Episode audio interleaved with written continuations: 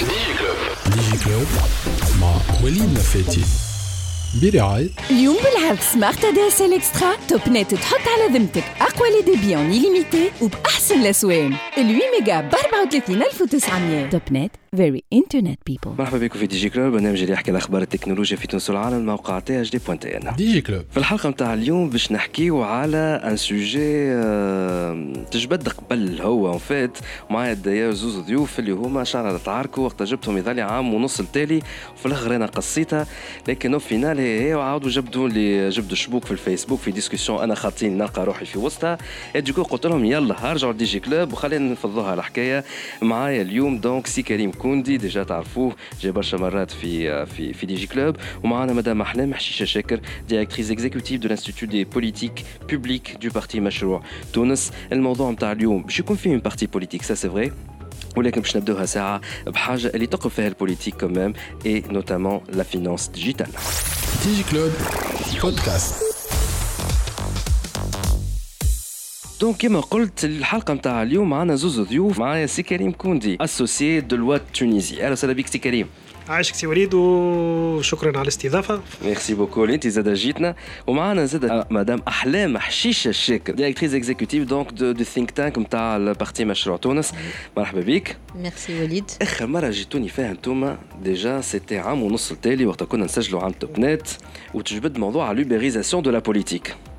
وساعات أنتم زوز لحمت ما بيناتكم رصيت لي أنا نفض فيها. يا أخي بعد نلقى روحي فجأة على الفيسبوك فما ديسكسيون معمولة ما بيناتنا نحن ثلاثة. وسي كريم ريتوني كيفاش؟ سي لا نوفيل توندونس توا ما نعرف شنو بعد السطورات الصفراء الحمراء على الخضراء. احلام من جهتها هي قاعدة ترجع. سي كريم هو يعطي من دو سون كوتي سون بوان فيو قلت لهم يلا خرجوني من الديسكسيون يجيو دي جي كلوب وتو نحكيو فيه الموضوع. بيسكو تحل عام ونص التالي ابارامون سي كريم حب يوري اللي هو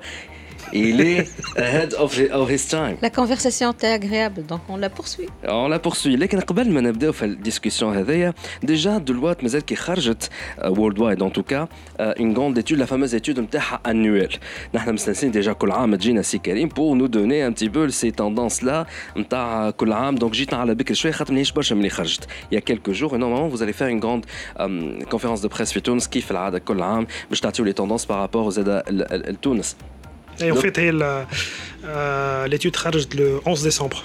Il y, a, il y a à peine en fait une semaine في العالم où on va les déployer dans la région. Inch'Allah, on fera la session qui m'a كل عام euh, في تونس avec les tendances des spécifiques de تونس. Très bien. نحن ديجا باش ناخذوا جليمس كما يقولوا ان انجلي شنو هي اللي فما اون غروند ليني قبل ما ندخل نسجلوا قلت اللي لا توندونس في العالم توا فما حاجه كلمه كي قلتها لي ما فهمتهاش شنو هي كلمة بيزار على الأخر. قال لي لا نوفيل توندونس يا وليد في العالم باش تكون في 2019 هي الفيجيتال مش ديجيتال راهو بالأف كوم فرانس مش دي كوم دونيس فيجيتال. شنو هي بي اش بي اش زاد طلعت مش بالأف فيجيتال كيما فيزيك. كيما الفيزيك. فيجيتال. شنو هي هالاسامي الغريبة طلعوا فيها؟ شنو هي الفيجيتال؟ Résumer, euh, oh, c'est un domaine kamel, mais pour résumer en deux phrases, le digital, c'est la fusion entre euh, le monde physique et le monde digital, qui va, qui va faire un des plus cas, qui chauffe au lieu les innovations ou le développement, que ce soit en technologie ou dans la société, l'économie, la société, on verra en bas de la politique. Euh, le monde physique, il a évolué sur un chemin parallèle, où j'ai en parallèle un autre monde qui est le monde digital. Tiens un exemple. Qui étaient deux chemins parallèles. Je prends le cas, par exemple, des acteurs de la grande distribution. Mmh. Jusque-là, il y avait le monde physique, donc les acteurs du retail. Euh, les magasins. Ils ont les magasins, etc., toute la chaîne de distribution. Ou en parallèle, depuis quelques années, il y a tout le domaine de l'e-commerce, qui est aussi un autre acteur de retail, qui fait de plus en plus de concurrence. Au monde physique. Dématérialisé à distance. Ou même Lium, le plus grand en fait, retailer du monde, ce n'est plus un acteur physique, c'est un, acteur digital qui est en fait Amazon, Lium. Et on est en train de s'apercevoir, Lyon, mais c'est là on parle du 4.0. Sinon, le 4.0 ou la quatrième révolution, c'est justement cette fusion-là, entre ces deux mondes. Donc je prends le cas du retail. Lyon, quand on voit le monde de la distribution, il est en train de fusionner entre ces deux axes. On est en train de voir, par exemple, un acteur de type Amazon qui était 100% digital, qui est en train de racheter euh, euh, des, différents en fait, acteurs de retail du monde physique. Aujourd'hui, des magasins. Des magasins. Aujourd'hui, en fait, Amazon, euh, je crois, dans la ville de New York, il a mis en place un magasin physique 100%, 100 en fait, autonome. Hein, le client, il y a pas employé. Donc ça, c'est l'exemple type de l'intégration de l'innovation digitale avec le physique. Mm -hmm. le... le paiement, c'est toujours en, à distance, électroniquement. Euh, ولا sur place ولا sur place sur place اما وحدك il y a une caisse automatique وتعدي الكارتة وتعدى بالنفسي بالتليفون تخلص تخلص on reste toujours dans le même dans le même voilà. dans le même cadre on les transactions un peu l'expérience digitale mais qu'on fait de plus en plus dans le monde physique معناتها ندخل dans un magasin physique mhm. mais j'ai toujours l'expérience هذايا معناتها c'est la fusion ça va venir ça va venir قداش sûrement قداش هكاك je peux pas estimer mais اليوم déjà les acteurs de retail في تونس sont en train de se lancer dans le domaine de l'e-commerce. de euh, ce qu'on appelle en fait drive-in par exemple. Donc venir avec sa voiture et faire sa commande à distance et prendre ses courses. Ça, c'est va venir d'ici euh, à peu près euh, d'ici à peu près 3-4 mois. 3 4 Tous les acteurs D'ici 6 mois, il y aura le concept de en fait drive-in. En fait, tu commandes tes courses à distance تجيب الكرهبه تجي هكا دوز على لوكال تلقاها حاضره تخلص وتاخذ وتمشي بعد اربع اشهر هذه باش نلقاها في تونس معناها مع سي غون ماغازان كي الكل احلام سا سوفون الايطالي عنده ان كليون معناتها جو با سيتي نو عنده ان كليون قاعد يخدم عليها لا الكل الكل الكل معناتها فريمون جو جو بو سيتي دي نو مي الكل جو فو دي توس Donc le digital, c'est le concept même de ce qu'on appelle le 4.0. On parle beaucoup de 4.0 ou quatrième révolution ou industrie 4.0, mais le fondement de ce concept, c'est ça. C'est la fusion et l'effet boule de neige des différentes innovations qui viennent du monde physique, l'automatisation, la robotique, etc., et du monde digital, l'analytics, le big data, l'intelligence artificielle, qui étaient sur des chemins parallèles jusqu'à là. Et cette fusion est en train de faire une sorte de boule de neige, une nouvelle révolution.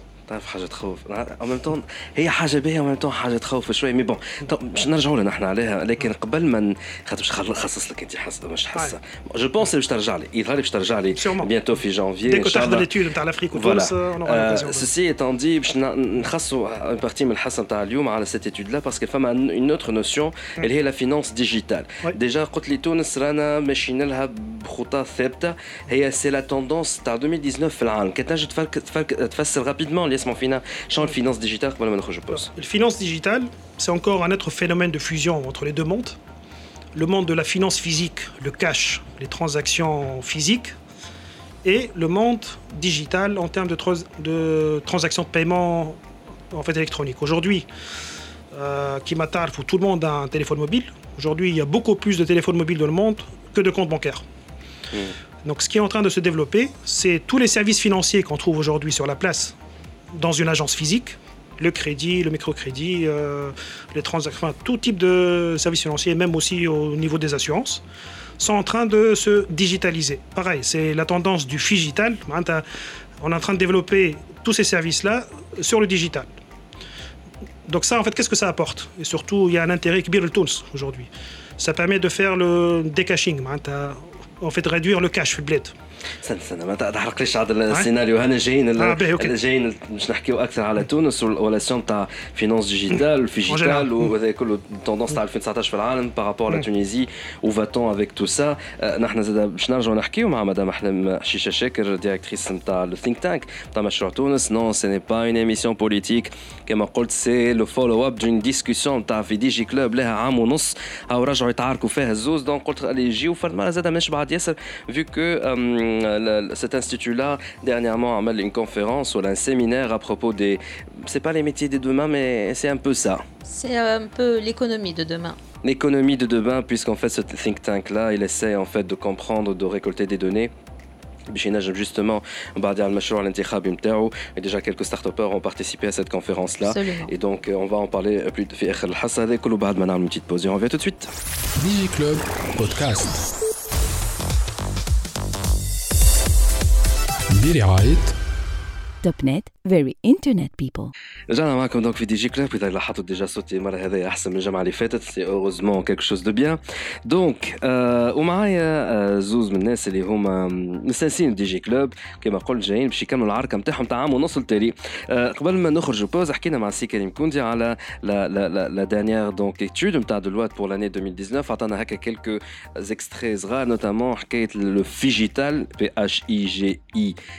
تي ا ال او عاد نرجعوا البروميير بارتي دو ليميسيون باش نجموا تفهموا على الحكايه وتجبد موضوع نتاع الفينانس ديجيتال اللي كيفاش سي دو موند نتاع لي بانك اي لي اسيورونس اللي قاعدين يقربوا بيان كو ما عادش عندهم محل اخر لازمهم يقربوا لو دومين تاع التليكوم البورتابل اي دونك يا اون فيزيون قاعده تصير ما بين سي دو موند لا الوغ لا كيستيون اي كويد دو لا تونيزي على الحيط بالجريماس نتاعك على الحيط Pas forcément.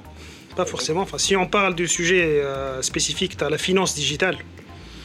Finance digitale, c'est vrai que quand on voit l'Afrique subsaharienne, elle est plus avancée que la Tunisie sur cet aspect-là. Allez, historiquement, le paiement électronique et le paiement via le mobile, c'est un service qui a été inventé en l'Afrique, même euh, ça en fait démarré là-bas. Ou le facteur de succès, c'est le cadre en fait réglementaire. Il y avait un avantage sur l'Afrique, sur cette partie-là, c'est que le cadre était flou. Donc du coup, ça laissait prospérer ce genre de service. Bad, bad, c'est de plus en plus structuré. Donc Fitoun, ce lieu, on a un intérêt majeur à développer la finance, euh, la finance digitale. Donc il y a des freins à Lyon, des freins surtout au niveau du cadre enfin, réglementaire, pour faire fédérer entre guillemets le monde bancaire et financier avec le monde de la technologie. Je le télécom. C'est le cadre en fait, réglementaire. Il y a deux types d'acteurs les opérateurs technologiques et les opérateurs financiers, où chacun il a sa propre vision. Il y a besoin de fédérer pour pouvoir avoir un service interopérable, ce qu'on appelle. C'est pas un point, c'est trouver, c'est avoir un pilote, un chef d'orchestre, qui puisse mettre les deux autour de la table ouais, et sortir la BCT. La BCT et avec un sponsorship fort de la présidence du gouvernement. والبنك سنترال دو لا تونيزي شنو هي امورها في الامور Elle est هذه en train d'avancer sur ce sujet. Ben, c'est vrai, il y a plein d'études. hein, où On voit qu'il y a une nouvelle, euh, il y a une nouvelle en fait, dynamique euh, par rapport à cela. D'ailleurs, il y a une étude qui est en train d'être faite, Lyon, euh, qui est justement en fait impulsée par la Banque mondiale pour euh, faire fédérer ces demandes et sortir avec une feuille de route, avec un cadre clair et précis pour que tout le monde puisse, euh, ben, puisse utiliser ce type de service et faire prospérer سي Ce genre de كريم ما choses. نعرفش على- انا انا تابع دومين تاع تيليكوم نعرف اللي كلهم يحبوا الدومين تاع تيليكوم ديجا ريان كو اوريدو اللي هي قاعده البوس ديبوي دي زاني كاريمون انها تحب يولي فما لو موبايل بايمنت اتسيتيرا جاز جون سوي سور Ouais. لكن نعرفش علاش عندي احساس انه سو كي سون تران دو بلوكي سو سون لي بانك تونيزيان اللي مش عاجبهم الحال صحيح l'un des freins à Lyon, le cadre réglementaire Lyon Terne et qui est justement régi par la Banque centrale, c'est qu'il impose que tout flux financier doit être géré par un organisme qui a une licence bancaire, qui est en gros maintenant, sous la tutelle de la Banque centrale. est-ce que la SNT peut le faire La SMT, c'est une sorte de consortium entre les banques. ouais. Ce n'est ni plus ni moins. Mais elle peut jouer ce rôle-là. Elle peut jouer ce rôle de l'interopérabilité bancaire. mais ce qu'on a besoin, c'est l'interopérabilité entre les banques, mais aussi avec les opérateurs. Une interopérabilité maintenant plus large. Lyon, l'interopérabilité au niveau des opérateurs télécoms, c'est essentiellement la Poste qui joue un peu ce rôle-là. Euh, et aussi euh, avec les SMT. Mais c'est pas encore. Euh, mais en fait, l'enjeu n'est pas technique. Au niveau technique, ça peut se faire en deux jours. Rendre tout ça interopérable. on le sait très bien. C'est un cadre. Rien qu'avec le ministère de l'Éducation, on y a un Législatif. L'éducation, mais c'est l'éducation déjà. La Turquie, euh, euh, euh, ils ont imposé aux trois opérateurs un nous à quelle étoile dièse pour l'inscription. L'inscription, techniquement en deux jours de effectivement. Mais là, la question, c'est législative. Donc, c'est la présidence du gouvernement.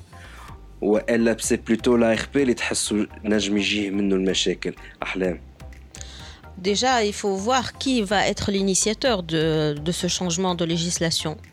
À mon avis, c'est quelque chose qui va forcément passer par le ministère des Finances, vu comment est structurée la législation en Tunisie. Tout ce qui est relatif à des paiements, ça va passer par le ministère des Finances. C'est pas le ministère le plus progressif qu'on ait en Tunisie, hein. pour être gentil. Euh, par contre, euh, les contrôles physiques ah, et En même temps, le ministère des Finances, euh, quand même je dois saluer le ministère des finances اللي اخيرا اخيرا قرر انه في الواد فينانس 2019 انه les inscriptions scolaires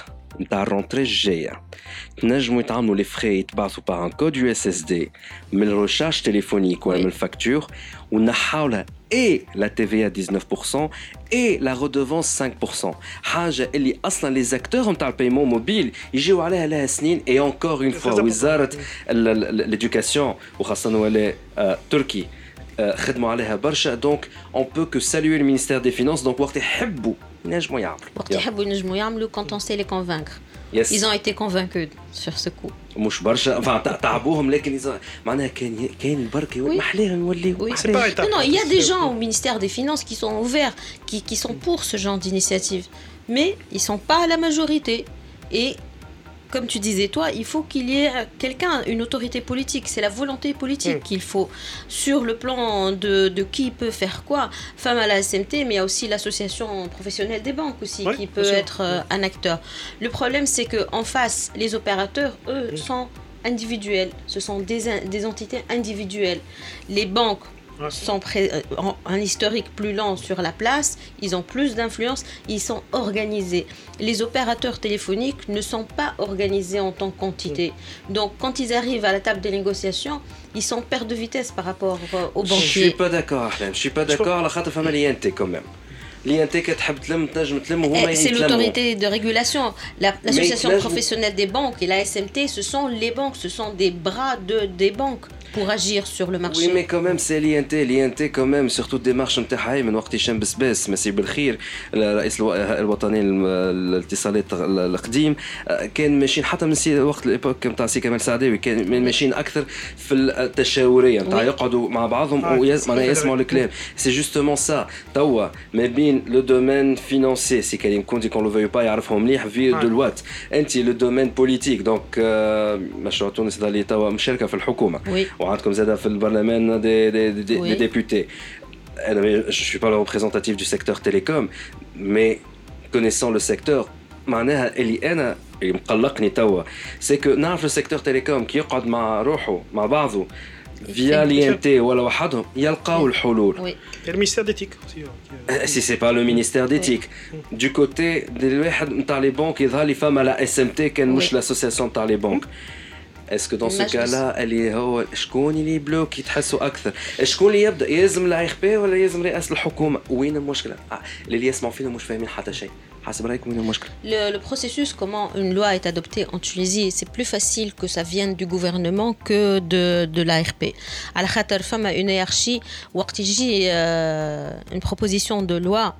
من عند النواب, déjà c'est une proposition et pas un projet. Elle n'est pas prioritaire. C'est la pro- la- le projet de loi qui vient du gouvernement qui est prioritaire. Et Donc, on شكون؟ fera- ça ira plus vite en venant du gouvernement. في المجلس فما عباد اللي تفهم و ils sont ouverts et ils acceptent. Femme Arbed, on a une vision un peu conservatrice dès qu'il s'agit d'argent et dès qu'il s'agit d'économie. Et notre fac a ramené au euh, euh, entre février et avril, Wart Femme Startup Act, l'ARP. Euh, moi, j'y suis allée à plusieurs reprises. J'ai travaillé beaucoup avec la communauté pour arriver à convaincre. Et jusqu'au dernier jour, la loi à l'Assemblée en plénière pour le vote, il y avait encore des résistances où on disait que c'était une loi pour faire du blanchiment d'argent, etc., etc. Donc, Souvent, le niveau de compréhension technologique n'est pas très développé chez certains de nos élus. Ça les pousse à la peur et à la, méfiance. Mais là, dans ce cas-là, il faut, il faut expliquer, il faut convaincre, expliquer. Au niveau du gouvernement, est-ce que n'importe qui, le gouvernement, il peut prendre cette initiative-là ou il faut que ce soit soit le ministère des Finances, soit le ministère d'éthique, les hein, le ministère d'éthique, le ministère des Finances, est soutenu par le gouvernement forcément et euh, sinon ça peut être une initiative de la présidence du gouvernement pour chapeauter les deux ministères puisque ça touche les deux ministères. Peut-être j'essaie justement de reprendre le terme de en fait, Madame Ahlem, il faut expliquer. Ça, c'est hyper important parce que depuis tout à l'heure, on parle de gouvernance, de processus en fait, législatif. Mais ce qui manque aujourd'hui, c'est la vision par rapport à ce sujet. La vision, il faut que tout le monde arrive à comprendre que là, demain, il n'y aura plus un truc qui s'appelle banque et un autre type d'acteur qui s'appelle opérateur télécom. Demain, il y aura quelque chose qui va s'appeler opérateur digital, qui va tout faire les services financiers, les services euh, d'information, d'Internet, euh, les services de médias et tout. Il y aura quelque chose qui va s'appeler opérateur digital. Lyon, on voit cette tendance dans le monde. Les opérateurs télécoms commencent à racheter des banques. Et des banques commencent à racheter des opérateurs télécoms. Donc il y a une sorte d'intégration, d'intégration en fait verticale. Et beaucoup de fusions, fusions, euh, acquisitions qui sont en train de s'opérer, Lyon. Demain, il n'y aura plus les deux acteurs, il y aura un seul type qui s'appelle opérateur digital. On comprend bien que la Banque centrale, comme elle pousse. Mais est-ce qu'elle va pouvoir y arriver Et sinon, la Banque mondiale hmm? et le FMI, صلحوا لي كان انا غلط خاطر الزوز هما اللي قاعدين انا نقول انا الماهي الكلمه سي با بوليتيكمون كوريكت هما قاعدين يتحكموا في تونس Je suis désolé, معناه c'est pas du politiquement correct.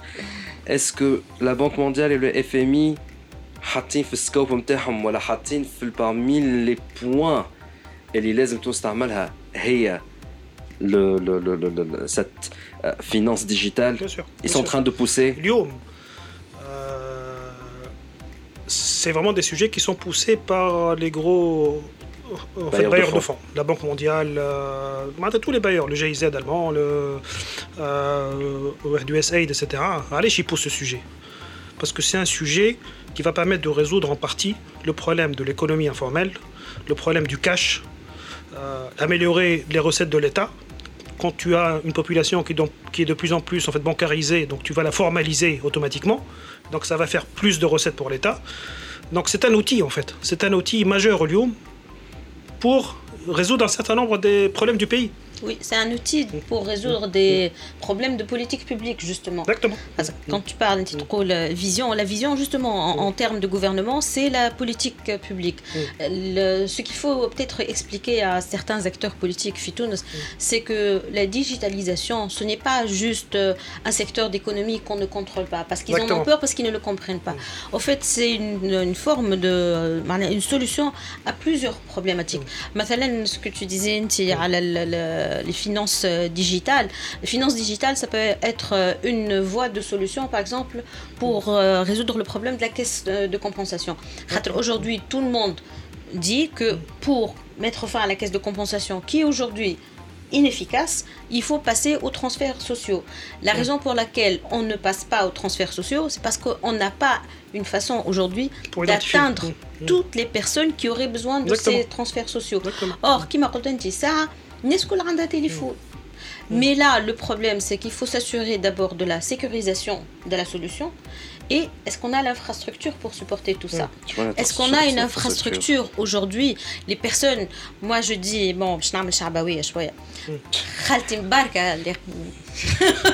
je suis la fameuse Khaltim qui est au fin fond d'un village où on a des coins en Tunisie où tu as quatre maisons, c'est pas un village, il n'y a aucune présence administrative est-ce que comme on est sûr qu'ils vont avoir un accès aux moyens de paiement électronique Elle a un téléphone, d'accord, mais est-ce qu'elle a Internet? Est-ce qu'elle a les moyens de payer Internet pour accéder à tout ça? Oui, mais le ministère de l'Éducation a le code USSD, pas forcément l'Internet? Eh, mais dans ces régions-là ont dû aller au bureau de poste pour faire l'opération. Oui, c'est Karim. Deux points, je suis convaincu. Les elle a un potentiel d'adoption de digital énorme. Ça, c'est certain. à partir du moment où elle trouve l'intérêt. Voilà, le problème, c'est l'accès. Elle aura l'accès Internet à partir du moment où elle va voir l'intérêt. Elle a un réseau, elle a accès Internet, c'est aussi simple que ça. 3G et 4G. Les transactions de paiement via mobile sont faites par les petits commerçants les fichiers. Il a le كياس اما احنا مازلنا في تونس مازلنا نتعاركوا كل chaque gouvernorat en Tunisie veut avoir son autoroute moi je crois qu'on se trompe c'est fini le temps des autoroutes. les, autoroutes ne vont rien résoudre aujourd'hui. On a besoin d'une autoroute de l'Internet en Tunisie. Si il y a un gouvernement qui a envie de changer les choses réellement en Tunisie, de résoudre plein de problèmes d'un seul coup, c'est faire une autoroute de l'Internet. Et pourquoi pas gratuit Je pense. Euh, pour revenir justement à un sujet que je pense c'est euh, pour rebondir, l'économie euh, numérique, c'est pas un secteur. Là, je suis tout à fait d'accord. Je l'ai dit d'ailleurs, si on continue à raisonner que l'économie numérique c'est un secteur, on ne va jamais avoir de l'économie euh, euh, numérique dans le pays. Pour moi, et d'ailleurs, je l'ai dit, dans les pays où il y a quelque chose qui s'appelle ministère de l'économie euh, numérique, vous pouvez être certain qu'il n'y a pas d'économie numérique dans ce pays c'est un sujet transversal.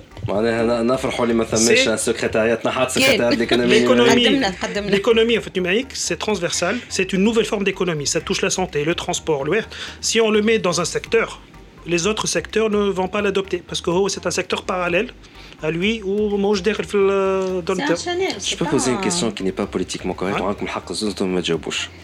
D'accord شكون اكثر مينيستير حسب رايكم اللي هو ماهيش نقولوا غير فراكتير ما نقولوش ما يحبش يعمل ترانسفورماسيون ديجيتال مي آه ماهوش فاهم لها مش فاهم لعبه الترانسفورماسيون ديجيتال دو لوان اي دو لوان شكون مش فاهم مينيستير دو لا جوستيس Euh, c'est un, c'est un fonctionnement qui est encore irtem le siècle est fait. Boîte d'archives au stylo très peu de transparence. L'NGO Bokale, l'NGO Bokale, en fait, ils sont en train de travailler dessus.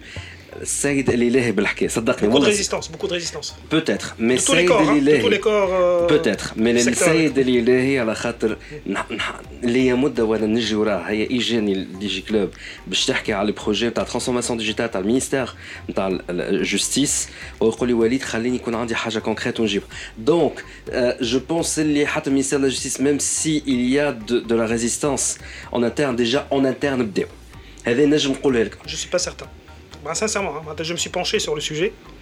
Je suis même penché sur le sujet du programme de l'e-justice etc. Il y a des financements qui datent de 2005. 2005 2005, quel tao Pour faire de l'e-justice, pour juste envoyer un simple SMS. La, une personne اللي عنده قضيه باش يقول له راه عندك راه عندك جلسه واحد في تل جور لازم تمشي سور بلاس وتشوف الريجستر ومعناتها تشوف كان تلقى l'information. Il y a une opacité énorme. Il y a une résistance face à cette transparence. Donc c'est le ministère de la Justice. Ministère des Finances.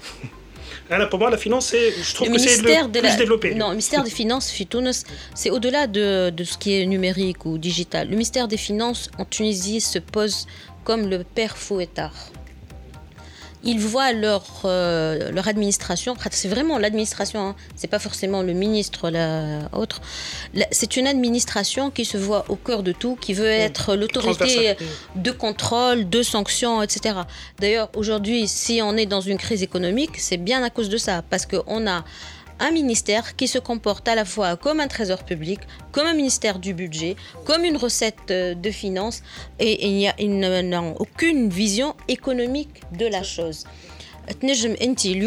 L'aberration, c'est que n'importe quel ministère peut faire n'importe quel plan de développement ou autre, ou un projet, euh, mobiliser le financement, avoir l'approbation, c'est voter en Conseil des ministres, c'est voter à l'Assemblée, au moment de l'exécution, à chaque étape, taht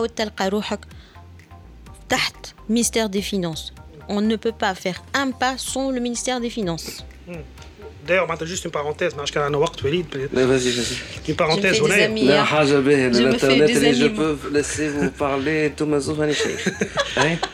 Euh, juste pour faire une parenthèse par rapport à ça, euh, pour revenir à mon point, l'économie aéronumérique, ce n'est pas un secteur. Il faut que ça soit porté par le plus haut, le plus haut niveau de l'autorité, au niveau de la présidence du gouvernement.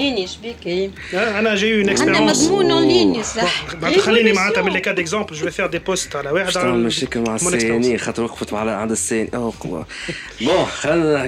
Et pour euh, dire, on a les années où il y a eu le plus d'avancées fait l'administration électronique Fitoun, c'était quand?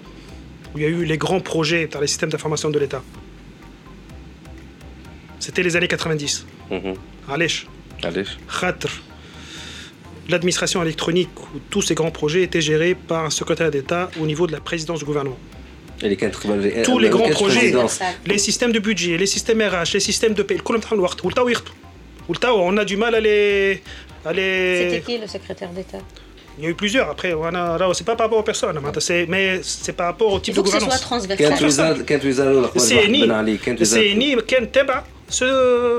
la présence de. Son client principal, le CNI, c'est qui?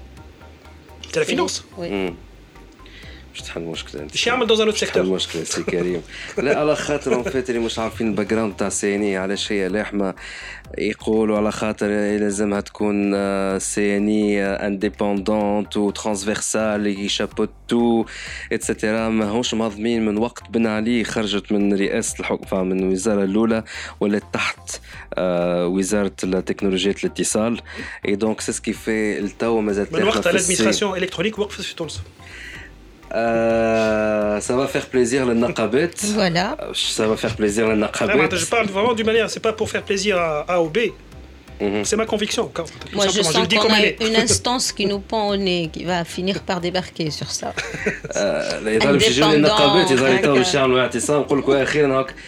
En tout cas, c'est pas pour polémiquer par rapport à la CNI. على خاطر CNI parmi les points اللي هما شادين فيها صحيح peut-être هذاك اللي ممكن يجي بيان ممكن اللي نعيبوا شويه على جماعه CNI c'est surtout cette on martèle ce point là نتاع لازمها ترجع تحت رئاسه الحكومه الحكومه تابعه رئاسه الحكومه آه دونك حكايه هذيك لا دي ان اللي تحب تعمل دونك قالوا باش تضرب السي وتكسرها لكن اون ميم طون كونيسون ان تي بو جو دي بيان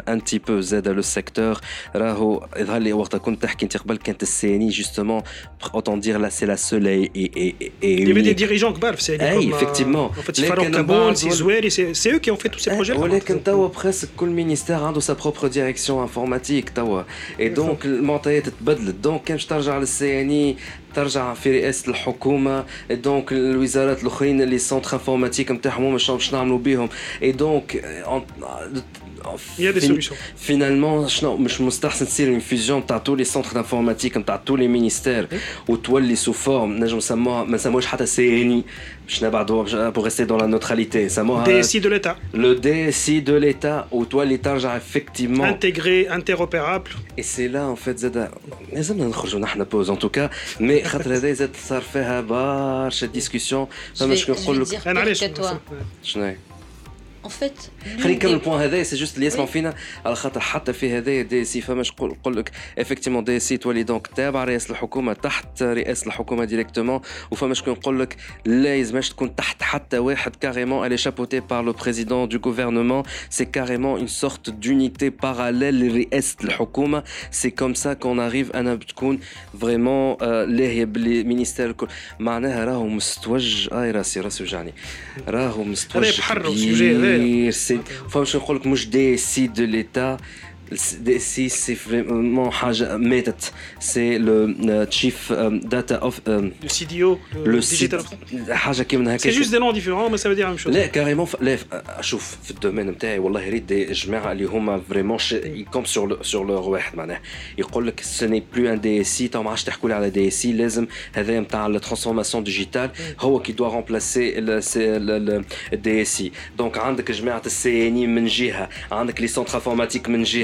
اللي هما يحبوا يرجعوا ما نعرفش كيفاش وعندك جماعه اللي يقول لك لازم ندي سي وفما لا نوفيل وحده دون خاطر سا افونس تالمون تكنولوجي يقول لك ما حشناش بدي سي. Je pense que le sujet هوني سي وليد معناتها il ne s'agit pas de créer une sorte de Superman qui s'appelle CDO et qui va tout faire. Ça, c'est pas le cas.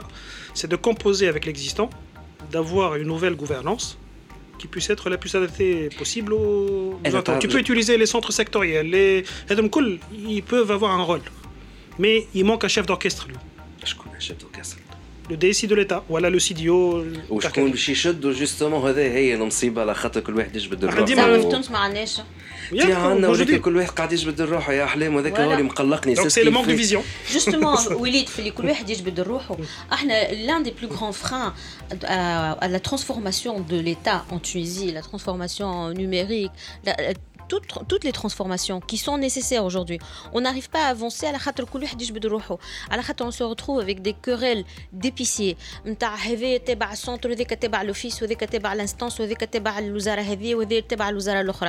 Si on prend des exemples d'États modernes aujourd'hui et efficaces dans le monde, quand je suis un fonctionnaire, dans un pays.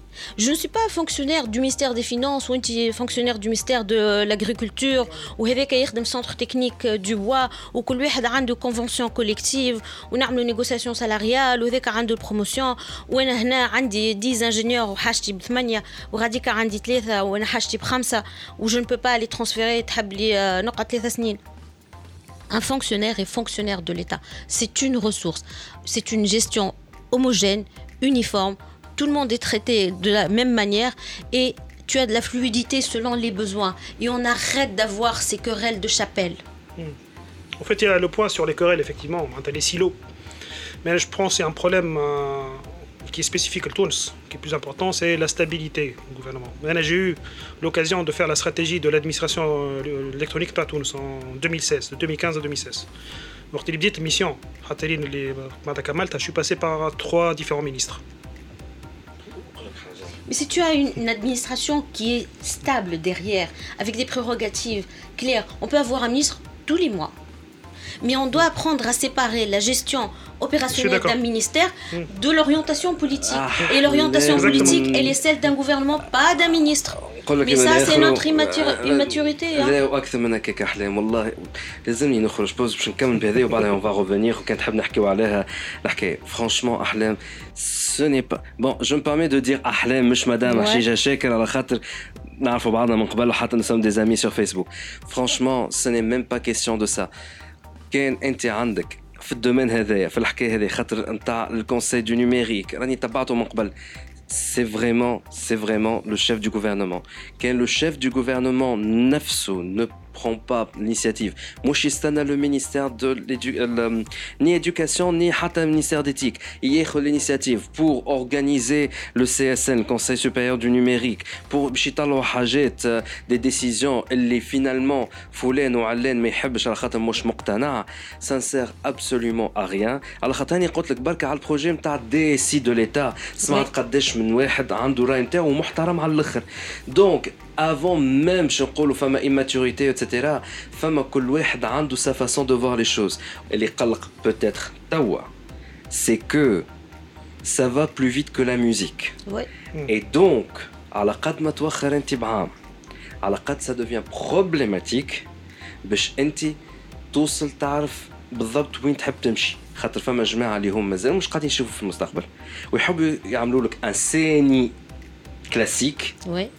ويتحطوا تحته معاه طول الوحدين فما شكون changement En même temps, que c'est pas un changement, c'est l'idéal. وبعدها فما شكون يجي يقول لك يقول لك اه l'ADN هذه il faut pas la faire. Mais est-ce qu'objectivement, c'est poser la question si c'est une bonne chose ou pas C'est pas من اخره من اخره. Est-ce que جموع هذوما شكون كي بو بروندر الانيسياتيف باش يجيب تاع الصوند انفورماتيك نتاع الصحه نتاع الداخليه نتاع الناس الكل ويقعدهم الكل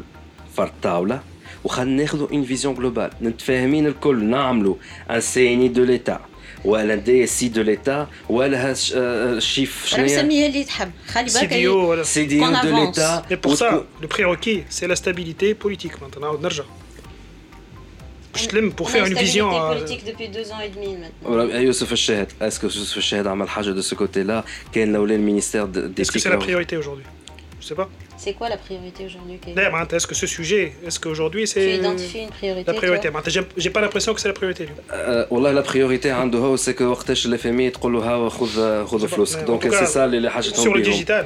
الحمد على ساعات نقول الحمد لله يا ربي. اللي عنا لافامي أنا عارف جو فيها بوليميك والناس كلها باش تبدأ تسب فيا سورتو معايا اليوم.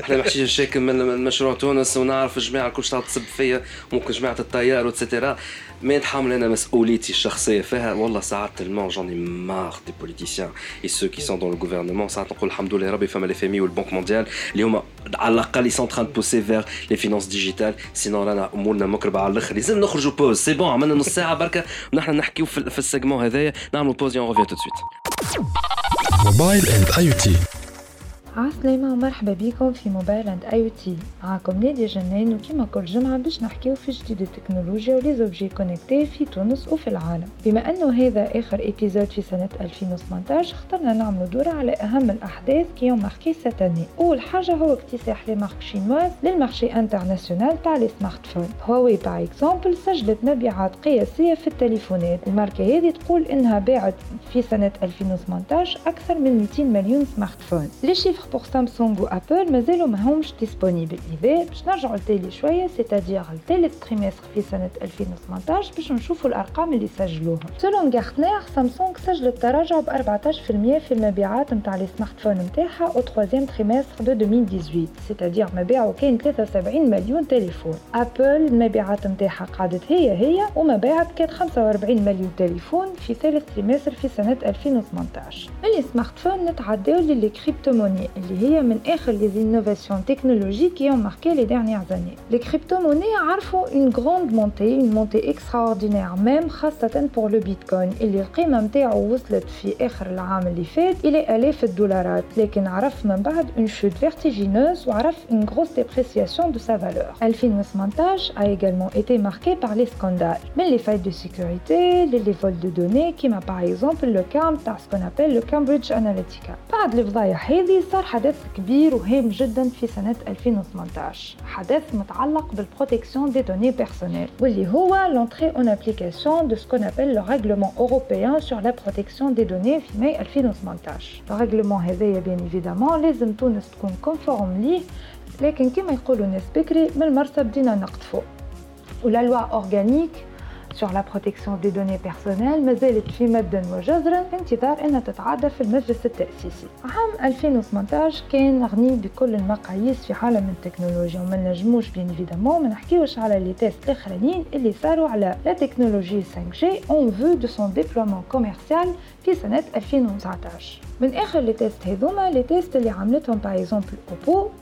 Qualcomm ou Nokia. Oppo par exemple jarabet أول appel vidéo sur un réseau 5G dernièrement. Dans la foulée, Qualcomm ou Nokia عداو أول data call over the air sur des bandes 6 GHz et mmWave ou ce qu'on appelle extrêmement haute fréquence. كان هذا كل شيء بالنسبة ل 2018 في انتظار انه 2019 يجيب لنا برشا ديزينوفاسيون ونقولوا لكم ارقد يا حايره وتمان مازالوا قويل الرمان كان هذا كل شيء في موبايل آي تي بور سيت اني 2018 باي باي. نلقاو العام الجاي. موبايل إند آي تي. ديجي كلوب بودكاست برعاية توب نت فيري انترنت بيبل رجعنا معكم في دي جي كلاب في حلقة ما نعرفش كيفاش باش توفى هذه الحلقة. مش عارف. سبيسيال ديجا السيجمون اللي قبله نورمالمون كانت على 10 مينوت نلقى روحي عملنا 30 مينوت ونحن نحكيو على حكاية الدي اس سي والسي ان اي والترانسفورماسيون ديجيتال دو ليتا من اللي كنا بدينا على الفينانس ديجيتال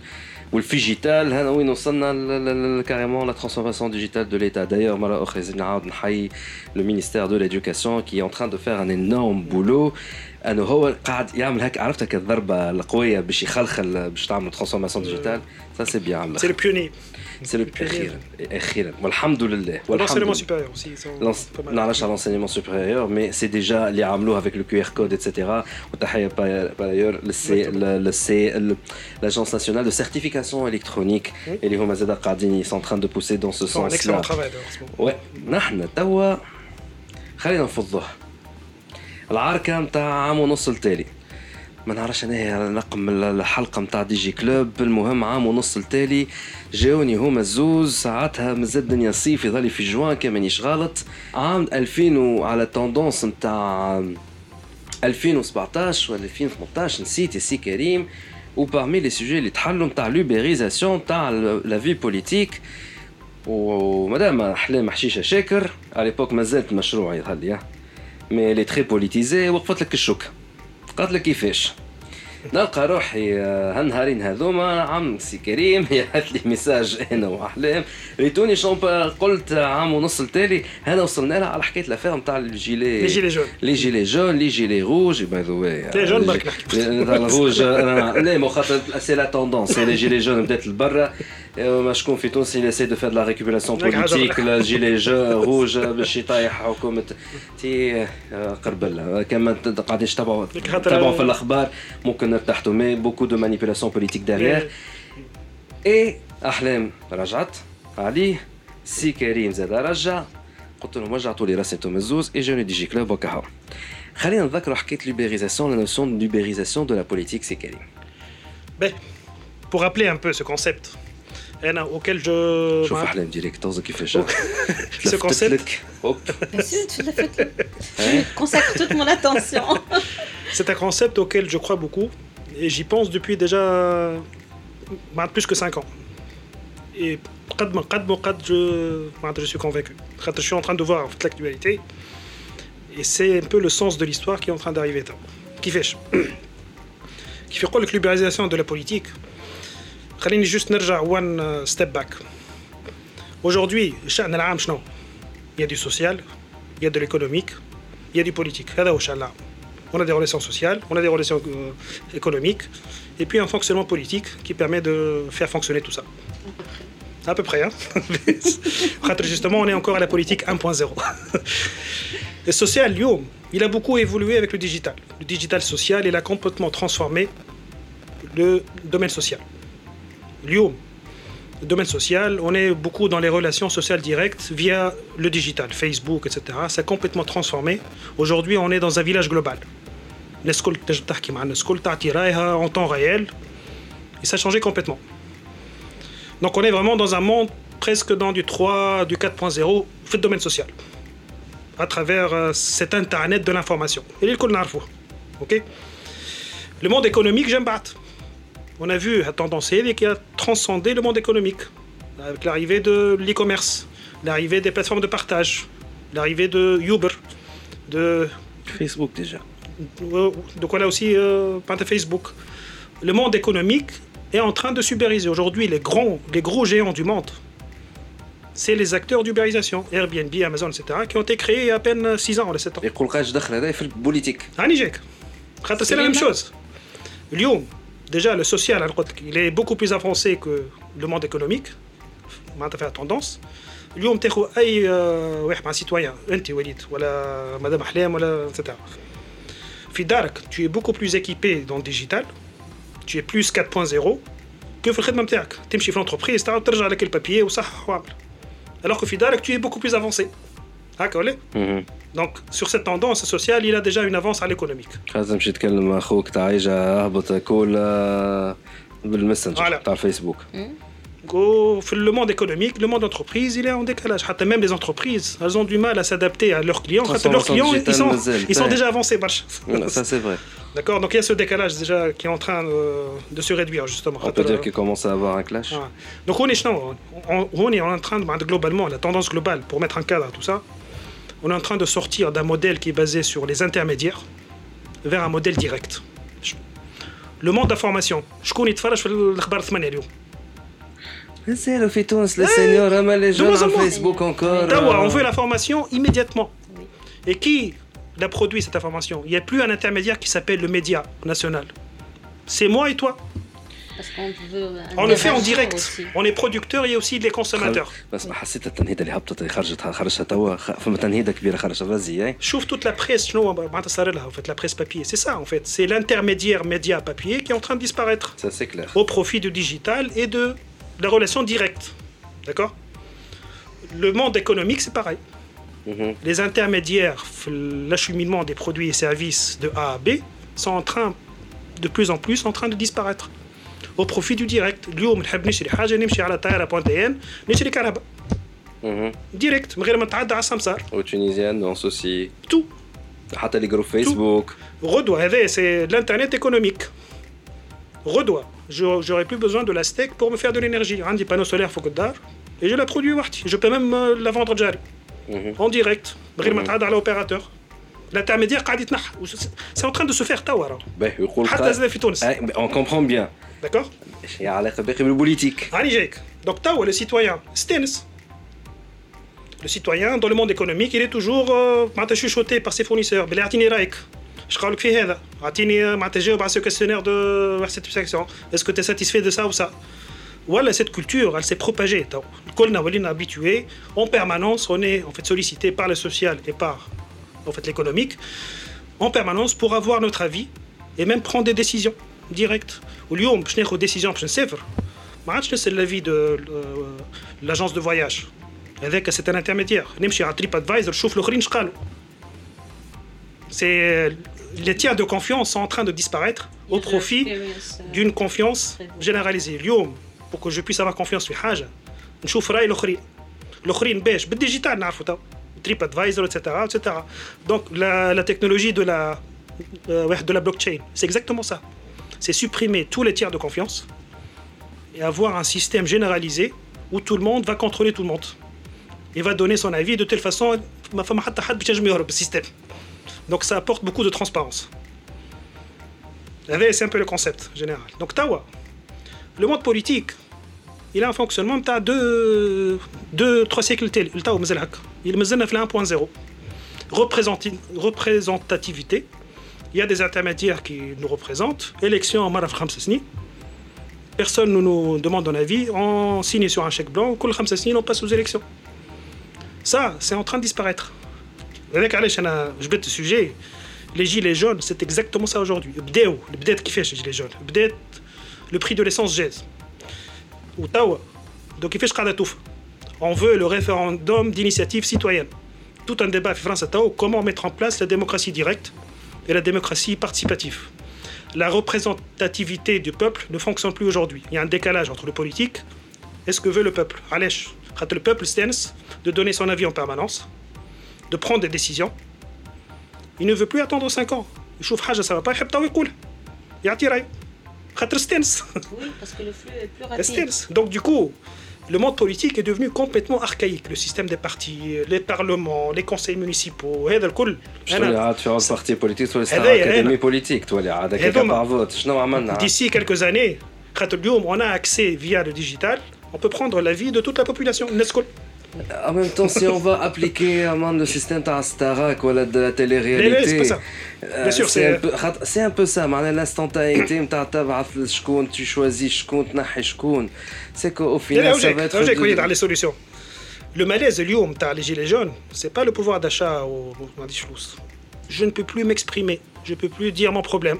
J'ai un malaise, c'est une société moderne dans laquelle je vis, avec une politique archaïque, un système politique archaïque démocratie représentative, qui est ça y est, c'est fini. Là, il faut passer à autre chose. Ou je suis rassuré par rapport à ça, par rapport à ma propre conviction. C'est en train de se développer beaucoup l'Asie, le Japon et la Corée du Sud. Aujourd'hui, tous les citoyens, ils sont équipés de smartphones, bien sûr. Ils reçoivent 3-4 fois par jour des avis de leur collectivité, de leur région, au niveau national. Il y a trois niveaux, ce qu'on appelle la participation en fait électronique Tu peux faire une demande d'information, voilà, même de partager une information, ça c'est une chose. تنجم en permanence, un flux permanent. كيما على فيسبوك مش تقعد تستنى 2 ans ولا تستنى الاخبار تاع 8 ولا الخطاب تاع رئيس ما عاد باش تعرف شنو صاير. En permanence, au fil de l'eau. Deuxième niveau, demander l'avis. Demander des avis. Euh, Le Japon et la Corée du Sud, ils reçoivent en permanence tous les jours des demandes d'avis. Et des, troisième niveau, le demande de décision. Avec c'est le vote. باش نعملوا Bien sûr, il faut un cadre et bien structuré, il faut avoir des experts qui fassent les études et partagent toute l'information à tout le monde. On consulte tout le monde. Tout le monde qui vit tout le monde dans tout le pays justement tout le débat à Lyon, c'est le comment. C'est exactement le risque de dérive de, ce que tu es en train de dire, Parce que qui décide de quoi et à quel niveau? Est-ce que moi, si j'habite à Gbeli, j'ai une voix sur le fait de faire un échangeur de plus sur la route de la Marsa Mm. Ou est-ce qu'on donne cette euh, décision aux Marsois? Hmm. Alors, je pense, je pense. Parce que c'est des deniers publics. On parle de deniers publics, on parle de priorité nationale. Est-ce que c'est une décision qui est collégiale, collective, Hmm. locale, nationale, institutionnelle? La politique, c'est tordu. Mais des fois, ça a du bon aussi, parce que ça établit un, un processus de prise de décision. Je crois, pour revenir à ce que tu disais sur les gilets jaunes, il y a ce problème-là. Il y a le problème que les gens ne se sont, sont, sont plus représentés par les institutions telles quelles, mais aussi, et c'est un problème qu'on a eu, nous, en Tunisie, depuis 4 ans, on vote pour des gens sur la base de promesses avancées, d'un programme, de- d'une identité avancée. بعد نلقى حاجة أخرى. Donc ces gens-là, comment ils me représentent Il n'y a pas cette relation de accountability. Mm. Les politiques ne se sentent Mm. pas redevables envers leurs électeurs Yes. une fois qu'ils sont en poste. Moi, je le disais euh, la semaine dernière sur euh, une radio. راهو حتى حد لا صوتوا لهم باش يمثلوا نفسهم راهم يمثلوا العباد اللي صوتوا لهم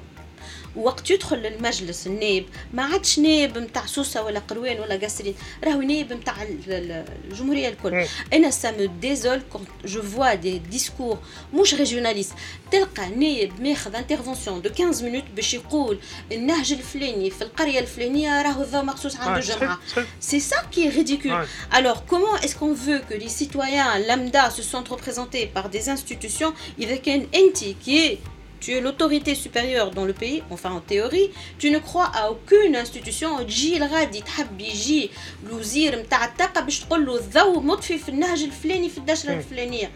On- on- C'est de l'infantilisme. Je suis d'accord avec toi qu'il y a un malaise et que les règles doivent changer. Comment changer Aujourd'hui, avec le flux d'informations, la transformation qui est super rapide de la société humaine de manière générale, un mandat de 5 ans aujourd'hui, c'est une aberration. C'est du long terme. C'est une aberration. Voilà. فما فما قداش واحد يقعد في البوست نتاع خدمه خمس سنين اليوم سي ريديكول en même temps يا حلم لكن زاد انت كما تقعدش خمس سنين تولي تجي على مثلا على عامين تولي تفركس على لي ريزولت على لي شونتيي تنجم تقدهم دون ليميديا الريزولتا نتاعهم في ليميديا بعد عامين يظهروا. ساشون اللي انت برشا حاجات لازم بالحشره ولا 15 سنه justement, Walid, c'est pour ça que ça doit être une, une transformation collective, globale. مثلا, justement, l'une des, euh, des problématiques que l'UMA c'est la lenteur législative. Euh, L'UMA, si je prends une loi pour qu'elle arrive, du moment où euh, on met un stylo et un papier, on commence à écrire, jusqu'à ce que ça soit sur le genre, tu as un cycle moyen de 4 à 5 ans. L'UMA, si je ne me trompe pas, et je ne pense pas me tromper, on a des projets de loi à l'Assemblée qui remontent à l'ANC qui encore mm. dans les boîtes d'archives. Euh, c'est vraiment ici le. Ça, mm. il faut, il faut modifier. Le processus par lequel passe une loi, comment on peut modifier ça? Par la digitalisation. Ce n'est pas normal. La masse de papier qu'on consomme par article de loi, par article, Walid, c'est d'un ridicule. اليوم دخلوا الجلسة العامة باش يصوتوا على مشروع قانون يلقاو فما 80 propositions d'amendement sur une loi qui fait 40 articles. معناها on- ça dépasse l'entendement. C'est une diarrhée, excuse-moi. C'est- Non, mais juste c'est- pour réagir justement. Mais on- par contre, Ouais. ce que tu dis, toi, ce- cette façon qu'il faut qu'il y ait plus d'interactivité, Mm. certainement. Les réseaux sociaux ont changé les choses. برشا عباد يتشكيو ah Facebook, Facebook. Facebook change. aujourd'hui, c'est le Parlement. C'est le vrai Parlement C'est le média interactif. principal. Quand tu disais, toi, la communication sociale, اليوم أنا مش عجبتني حاجة في وزارة الفلاحة نحكي مع وزير الفلاحة طول في فيسبوك نبعث له ميساج je commente sur sa page sur son profil personnel il me répond il y a cette interactivité mais après cette interactivité je ne la retrouve pas forcément dans le processus de décision Non. Aujourd'hui, les réseaux sociaux sont devenus euh, euh, l'agora. Mm. C'est aujourd'hui une nouvelle mm. agora. Mais je pense justement, pour euh, réagir, justement, on est dans un cas où le, temps, le temps politique est en décalage total avec le temps économique et le, temps social. Un décalage énorme. Il y a un débat, d'ailleurs, c'est pas que Tours. Hein, on a parlé de Tours, mais en France, les chaînes, ils parlent que de ça. Comment le faire, ce truc-là? On n'arrive plus. Les gilets jaunes, il y a beaucoup de digital native. Il y a beaucoup de jeunes. Oui. Ils sont habitués à des choses immédiates. Oui. Ils sont habitués à l'immédiat. Je veux donner mon avis. Euh, eh, je dis. Non, c'est impossible. Alors après... Ça, ça doit changer. Par contre, comment faire le, référendum d'initiative citoyenne dont tu parlais, pour moi, c'est un peu du hijacking des institutions de l'État. Mhm. L'idée n'est pas mauvaise, mais pas comme ça. Pas à Marneha. Comment on décide? Sur une population, de la France, où je sais pas, il y a 60 ou 70 millions de, mhm. Français, comment on fait? Qui a le droit? À partir de euh. quel nombre? Ils habitent où? C'est comme l'autoroute, l'échangeur sur la route de la Marsa. Est-ce que la personne à Gbelli, la personne à Tataouine ont euh. le droit de décider ou pas? Euh, est-ce qu'on prend, est-ce que c'est proportionnel, c'est prorata De quoi? Mm. Ah non, si on prend par exemple des processus locaux. Mm. أنت قلت على les conseils municipaux. Effectivement, les conseils municipaux, Euh, là, c'est c'est du n'importe quoi. D'ailleurs, juste, je cite un Ah, exemple. pour faire la décentralisation, on fait un code des collectivités de 400 articles. Mm. Déjà, on est mal barré. Oui, déjà. Mais juste pour citer un exemple, quand j'avais euh, justement effectué la mission, t'as la stratégie de l'administration en- en fait électronique à Tunis, on a implémenté un portail qui s'appelle e-participation.tl. يمشي اليوم تلقاه. eux مش اي اي أي، انجلش eux participation Il est live depuis deux ans. Ouais, فارغ اليوم. bien sûr. Il- il- Ça a été fait de telle façon que ça peut être instancié pour chaque, pour chaque euh, en fait, collectivité. Il gère les, الإدارة باش تهدي. il gère justement, il y a toute la gouvernance d'organisation en fait derrière, mais khatra, ça a été fait au niveau euh, haut, mais bas, il faut que ça descende au niveau des collectivités. Il faut créer des instances. Il gère les trois niveaux décision, information ou en fait, avis. Où, moi, je suis tout à fait d'accord. L'étape 1, c'est ça peut être implémenté immédiatement au niveau local. Local. Et c'est ce qui est fait dans le monde asiatique, Lyon. Euh, c'est fait aussi. euh, En Suisse aussi. Par exemple, je vais donner un exemple. Mm. Les États-Unis, qui n'est pas forcément un pays très digital, hein, Ouais. contrairement à ce qu'on Mm. croit. Dans la réalité, c'est pas un pays qui est très digital. Par contre, cette tradition de politique existe depuis très longtemps. Mm. C'est ce qu'on appelle le town hall. C'est les élus, que ce soit un élu fédéral Mm. ou local. Il y a une problématique euh, Arrête, alors, publique Yaïtoulou, il le ramène dans le gymnase de l'école, à l'église. C'est comme en France, Lyon. Peu importe, dans un espace public. Et là, c'est une, c'est une séance de questions, et une prise- un processus de prise de décision collégial. Mais après, c'est l'élu qui assume la décision. C'est lui qui l'exécute. la Qui met en décision. œuvre. Oui. C'est ça. نجم نقول رايي توا بعد ما خليتكم تحكيو قول، قول. باهي يظهر خليش في في قلبك الديسكسيون وليد. اللي قاعد عملناها اخر مره عام ونص التالي ça c'est encore mon avis, mais Kenpchnati, beaucoup, je dirais pas d'importance. Je suis pas un politicien, je suis plus communicant que journaliste. Je reste quand même un média un indépendant. Je suis d'accord avec ce qu'elle dit, mais je fais pas partie de ma partie بارتي عامل وحدي اسمه وليد نفاتي باهي دونك سويون كلير سور سا ايفيتون لي بوليميك تاع حكايه فيرا اللي نكرههم هذا مي فرانشمون كان باش تعطي الدروا ا تو الموند دو دير سون افي افيك سيت بوليتيك 4.0 الوغ لا باش نقولها لك ساعتها تونس تولي مش افغانستان تولي قب قبستان من اخر خاطر عندك la majorité écrasante du peuple tunisien, femmes inclus, qui sont anti les droits de la femme. Ils sont anti les droits individuels. Ils sont anti euh, Ça de une. Liberté individuelle. Anti liberté De deux. une société conservatrice qui aime l'autorité. C'est pas conservatrice, c'est une société. Si la société elle est comme ça.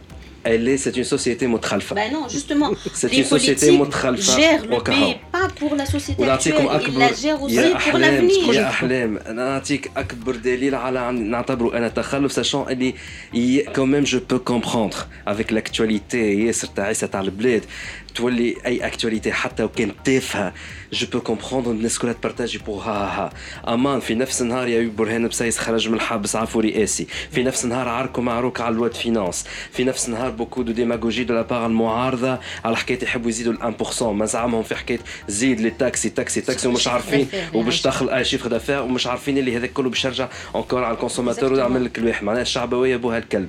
اي أو ليو دو بارلي دو سا والاكtualité بوليتيك وايكونوميك نعرفها شانعه في البلاد.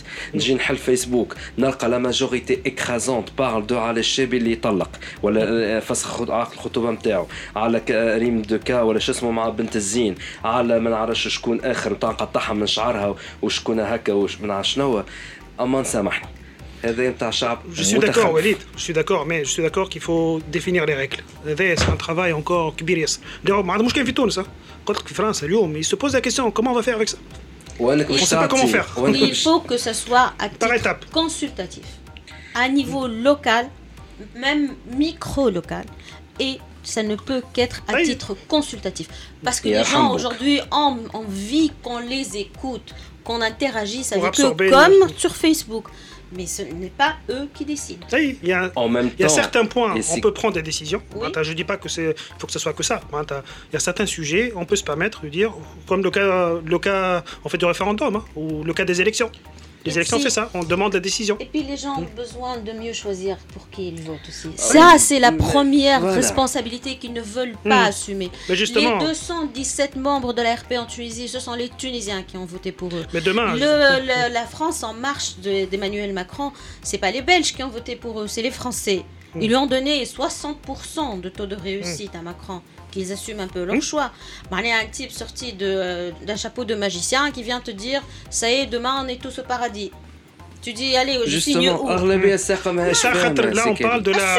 Mais là, on parle, parce qu'on parle toujours, c'est un système de démocratie représentative qui, qui a atteint ses limites aujourd'hui. Demain, ça va, ça va, Demain, si tu remplaces le Parlement, au il joue soi-disant le rôle de contrôle euh, de, de, en fait, l'exécutif. Eh ben, ça n'a aucun sens. Demain, le Parlement, ou le contrôle direct. Bien sûr, avec les bonnes règles. Hein. Je ne dis pas qu'il faut faire un Facebook à ouvert ou on décide, etc. Qui trotte le contrôle direct où tu transfères le pouvoir du Parlement au direct grâce au digital, puisqu'aujourd'hui, maintenant, tout est permis, on peut avoir accès euh, au vote, etc. Et donc l'accès direct aux personnes. Je pense que ce sera beaucoup plus pertinent. Bien sûr, il faut bien définir les règles. Il y a du chemin encore. Je suis, c'est un chemin lent. L'étape 1, c'est le local. Il y aura beaucoup de résistance. Il faut se mettre dans la tête euh, la couche des représentants du peuple, c'est un certain pouvoir Oui. qui vont perdre. Non mais c'est ridicule. Écoute, كريم اليوم احنا في المجلس عندنا 217 نائب. Alors, sur les, les- la- le règlement intérieur de l'Assemblée, qu'est-ce qu'il dit Il dit que chacun des 217 euh, Mm. élus doit faire partie d'une commission permanente et d'une commission spéciale. On s'est retrouvé à inventer des commissions pour les mettre dans des commissions. Pareil, on a fait la même chose dans Ça les n'a plus de conseils sens. municipaux. T'es une ville où tu as un conseil municipal de 65 membres, ils doivent tous être présidents d'une commission. Tu inventes des commissions. C'est ridicule, ça n'a plus de Donc, sens. voilà, il y a une sorte de bulle. وحدة. Voilà, ça je suis Déconnecté. d'accord sur la démocratie représentative stupide. ديسكسيون دونك زادت تطولت باش نعملوا نص ساعه يظهر لي اخرى على سيجمون كي دور 10 مينوت شوفوا من اخره وهذا يظهر باش نكون انا فيها مانيش ديمقراطيك حتى طرف اي انكور سي مون افي بيرسونيل واللي مش عاجبه كيف- الجلسة أنت. واللي مش عاجبه كيف العادة يقعد يسب الصباح فد... ما ما عادش ن- نسمعهم يسبوا سي كريم اللي تقول فيه راهو معقول وصحيح. واللي تقول فيه أحلام محشيشة راهي صحيح زاد.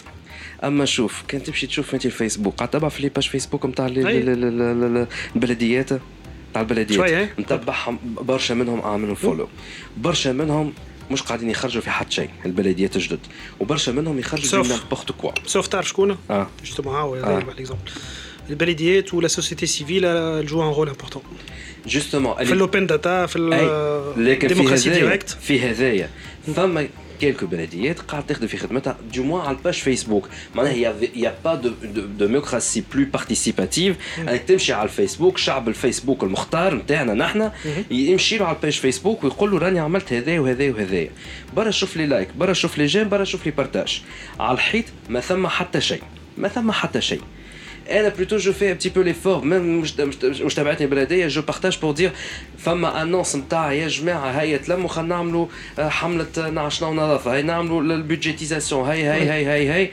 وهما يعملوا في الاعلانات ويصوروا بتصور يعملوا الكونت روندو والناس مش قاعده فريمون تتبع دونك او ميم طون التونسي نجمش تعمل عليه ياسر في البارتيس في الديموكراسي بارتيسيباتيف هذايا واش نقول لك انت تحكي على السيتواسيون اليوم اليوم il faut se mettre dans le contexte il y a une crise de confiance via la représentativité donc الناس الكل باش تبدا انتي نقول لك donc حاجه الفيسبوك باش تبدا كله انتي جو في جوي لا جوي غدوه Je vais jouer Redois, l'avocat tu vas du C'est être diable. pas dans une l'anti, logique. c'est l'indifférence. Et, et si Ah, mais c'est cool, des cool, Karim, engagements. attends, c'est et voilà, Karim. mais ça c'est ça c'est parce que c'est un manque de confiance C'est et donc ça Karim. suscite un, un سي manque كريم d'intérêt il y a ça mais نجم نقول لك encore une fois عندك أغلبية الشعب التونسي وقتها هو يخمم لك كان في الفيسبوك باش يطيح الطفلة اللي لقاها في الفيسبوك نتاع سالو سي كيفاش سافا كيفاش يكتبوها CV. اس ال تي سي في فهمني برا نمشيو نشوفوا أمان لي ميساج اللي خاطر ما قاعدين عنده ما. يعمل. على خاطر Il n'a pas de هذاك rôle à هو- jouer. Donc il s'occupe. On n'est pas dans cette, dans, à ce niveau la intellectuel. La prise de décision, elle peut, euh, elle peut être, euh, elle peut déraper, elle peut être euh, euh détournée. Je mets à Mahom, je fais prends, prends l'exemple du Brexit par exemple. Le Brexit, l'IN pour moi, c'est l'exemple de truc politique, de processus politique. Et encore, je mets à Oui, mais qui a fait basculer le, le vote sur le Brexit? C'est les populistes. Les, les adultes, non, tranche d'âge. Adultes et seniors. Ils ont imposé un choix à des gens qui vont, eux, devoir vivre avec ce choix. Pourquoi? Parce que les jeunes n'ont pas participé au vote.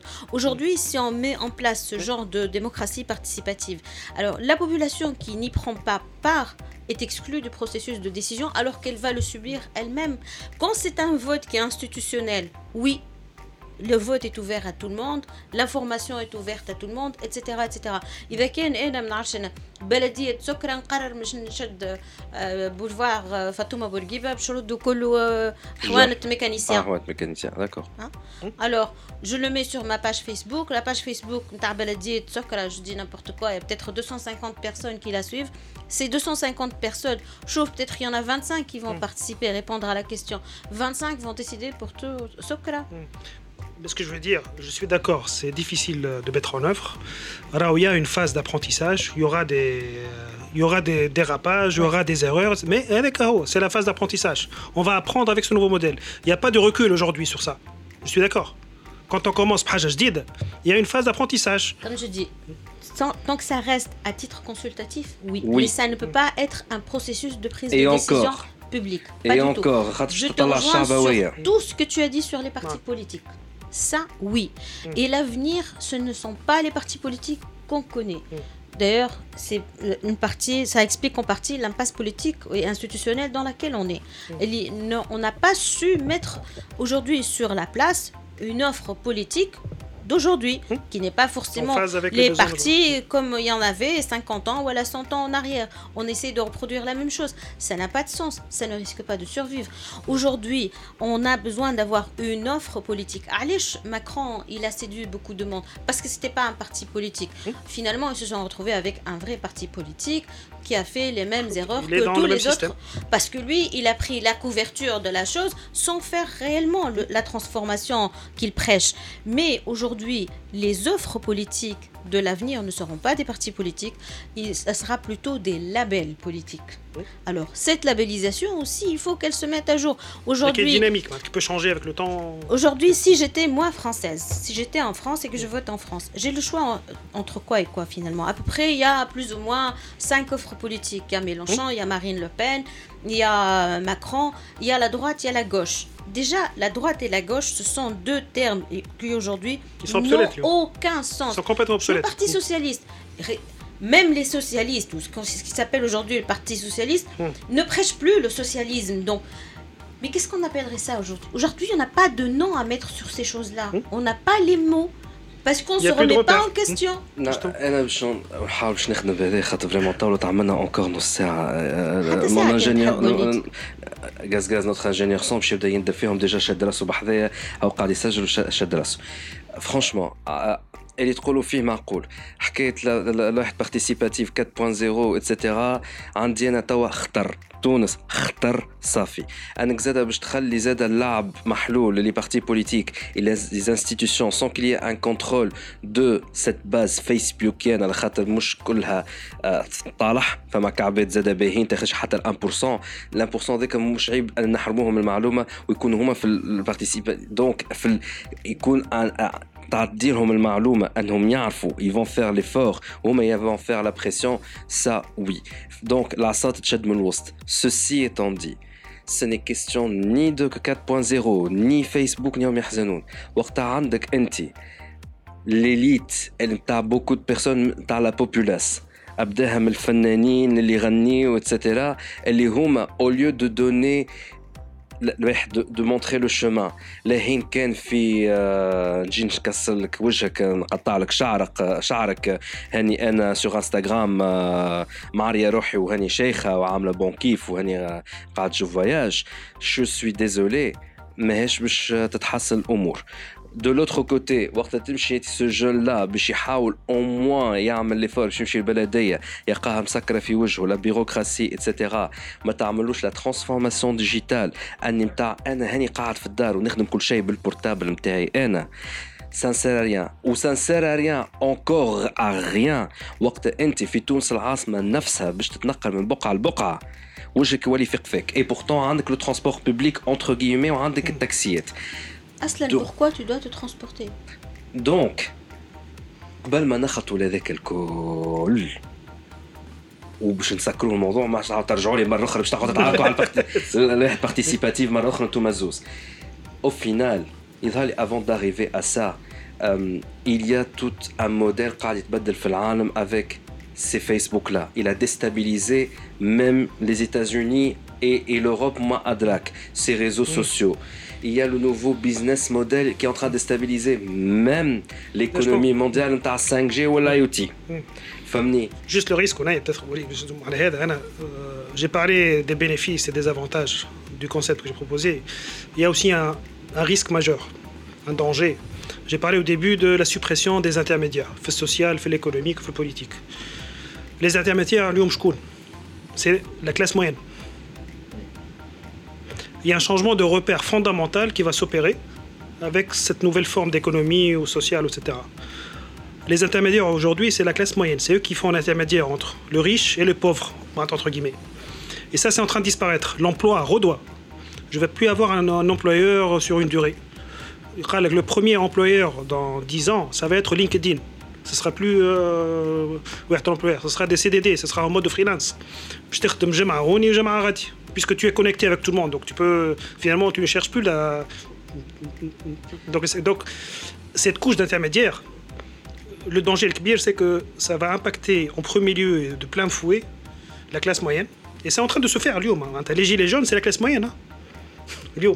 C'est bah, c'est aussi Je ça. dirais Oui. plutôt c'est la génération اللي خلطت على ما ثماش تليفون خاطر من اخره سي كريم et je pense que vous serez d'accord avec moi il y a un clash inévitable صاير تذكر وقت طاح بن علي Ouais. il y a un clash qui était inévitable à l'époque شلقنا به الكل اللي هو متاع الجماعة اللي أخيرا اكتشفوا الوجه الآخر اللي كانوا متخبي من جهتين لي كونسيرفاتور وفما الحداثيين اي لو كلاش ايتي انيفيتابل وصار الكلاش اي سي بوركوا مازال عاركو معروك ومازال لي تونسيون Peut-être. خاطر ماهوش مستانسين il y a un autre clash كبير جاي et c'est la génération متاع à la limite وصولوا c'est le portable 2G et la génération متاع la 3G 4G notamment les applis l'Instagram et le Facebook ce clash là باش يجي على خاطر كل واحد فيهم سي Mais روبير clash بين شكون وشكون.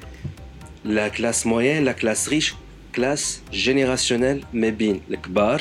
Et c'est خاطر صارت وليد. une cassure totale. Selon l'étude de l'OAT encore, en 2020, Fitouns, il y aura plus de 85% de la population qui aura un smartphone de la main. Je dis bien un smartphone. pas un فما téléphone. فرق يا سي كريم Donc le clash est fini, معناتها ça y est, t'as- c'est لا là. يا سي كريم Avec quel, ليه؟ quel usage ils en font ليه معناتها نقصد أسمع على شوف. الديجيتال باش versus نخرج لازم نخرج بوز باش بعد باش نكمل هذا البوان هذا اخرج بوز غاز غاز هنا راجعين En direct d'Alger.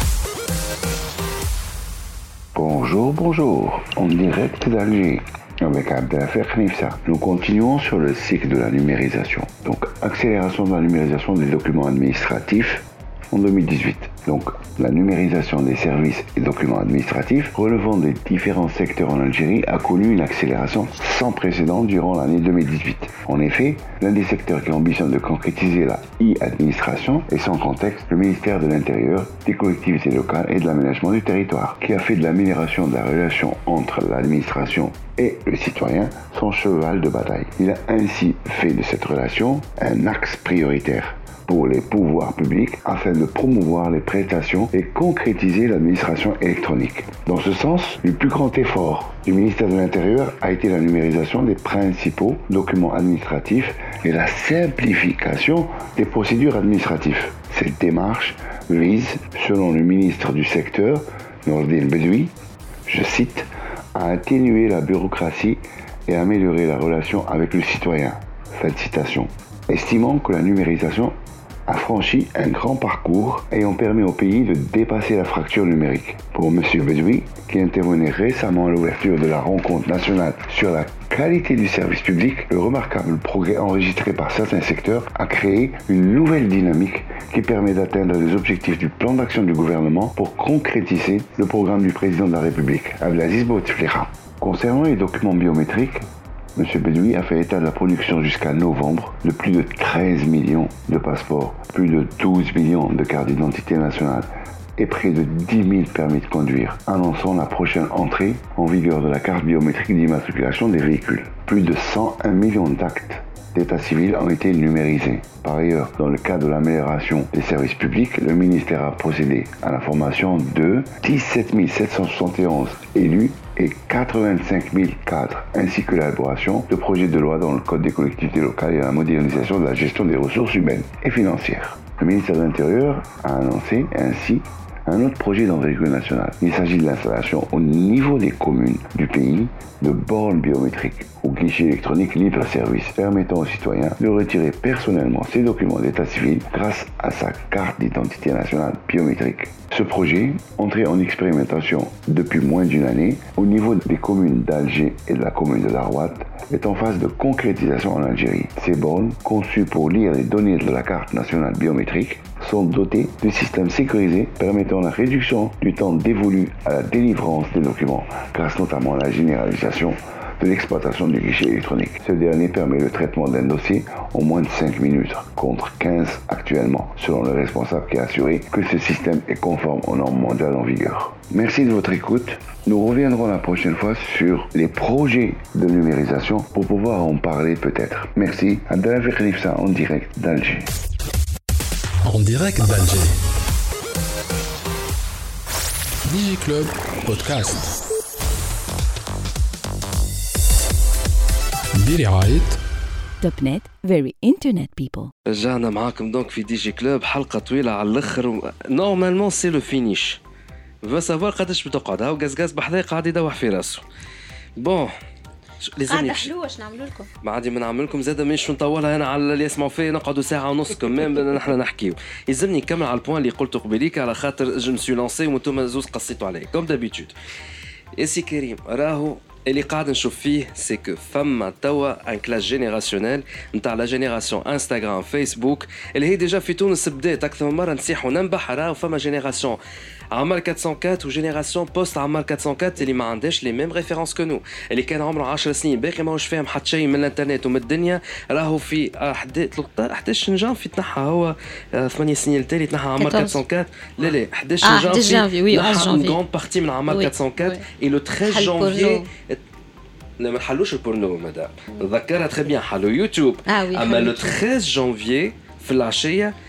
تو عمار 404 s'est effondré ولا 14 جانفي في الليل عمار 404 لي ستان تاع سونسور كله طاح في الماء دونك كون لو فيو با من 14 جانفي خلينا نقول من 2011 التوا il y a 8 ans دونك اللي كان عمره 10 سنين ولا توا عمره 18 سنه سي اون جينيراسيون 8 سي نوفيل جينيراسيون اللي ما عندوش لا نوسيون تاع عمار 404 تدخل تلقاها 404 راهو لا ريفيرونس تبدلت دونك خلي عاد جماعه الجينيراسيون تاع الانستغرام نتاع اعطيني توا نتاع جو كومونتو سور فيسبوك سا في الي سور لي لايك سور لي جيم سور لي لي لي الانستانت كول هذوما اللي يفون سادابتي رابيدمون لو 5 جي للاي او تي اتسيتيرا وعندك اون جينيراسيون اللي مازال يا ربي نخلط دونك باش يكون ريش باش يكون كلاس موين باش يكون بوفر il y a ce clash الكبير اللي جايينو اي هذاك اللي فيه مشكله اي جو بونس كو سا va créer des tensions كبار بعيد على البوليتيك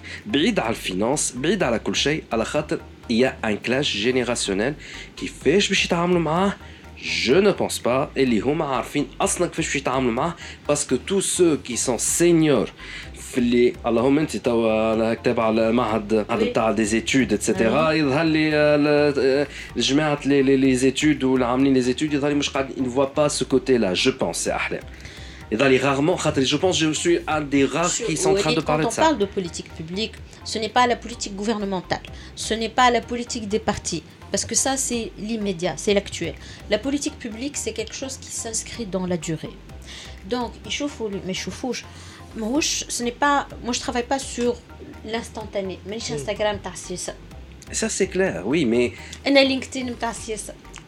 Ouais, mais bon. يلزمك تبني historique يلزمك on fait pas la politique كما قلت لك euh, Sarah Karim on fait pas la politique ce n'est pas de gérer la société pour les gens qui vivent aujourd'hui pas pour les bénéficiaires de la prise de décision aujourd'hui la politique c'est de, de préparer d'anticiper les changements à venir de préparer l'avenir Ouais. moi je ne fais pas la politique pour moi ni pour euh, les, députés qui sont aujourd'hui à l'Assemblée. Les députés sont en train de voter des lois qui ne vont pas forcément nous affecter, nous, mais qui sont en train de préparer ce que va être le pays demain. On est un, petit peu, on a besoin de commandants costauds de, de la politique. Euh, c'était lui qui avait commencé à parler des générations à venir. Donc du prospectif. On a besoin de faire le cousteau de la politique en Tunisie. Mm. Arrêter d'être dans l'instant T. Mais, je, mais parle pas de ça, mais est-ce que femme, euh, entité, think tank? Du moins, le think tank, comme t'as un machin مانيش نحكي على les autres autres think tank. Est-ce que femme des initiatives نتاع خلينا هالجينيراسيون نحبوا نسموها زد اكس بيتا زيتا مانيش عارف. مي cette génération نتاع نسميها خلينا نسميها جينيراسيون انستغرام ولا جينيراسيون 4G ou جينيراسيون 5G اللي هي وورلد وايد مش حتى تونس. Oui. Est-ce que فما des études نتاع خلينا نشوفوهم هذوما comment ils sont en train de penser Moi, c'est un, sujet qui m'intéresse beaucoup, sur lequel je travaille beaucoup. Je sais, j'essaie de créer une dynamique. Sachant les les références euh, euh, l'engagement, euh, c'était l'engagement du parti, mais c'était aussi un engagement personnel. Le Startup Act, par exemple, c'est pas quelque chose que j'ai fait pour moi, c'est pas quelque chose que j'ai fait pour le parti. C'est quelque chose, j'estimais moi, d'abord, où est le cadre législatif Il y a un type d'entrepreneurs qui en ont besoin. Il y a aussi un type de citoyens aujourd'hui en Tunisie qui avait besoin que cette loi passe. Et pour moi, le Startup Act, c'était un prototype.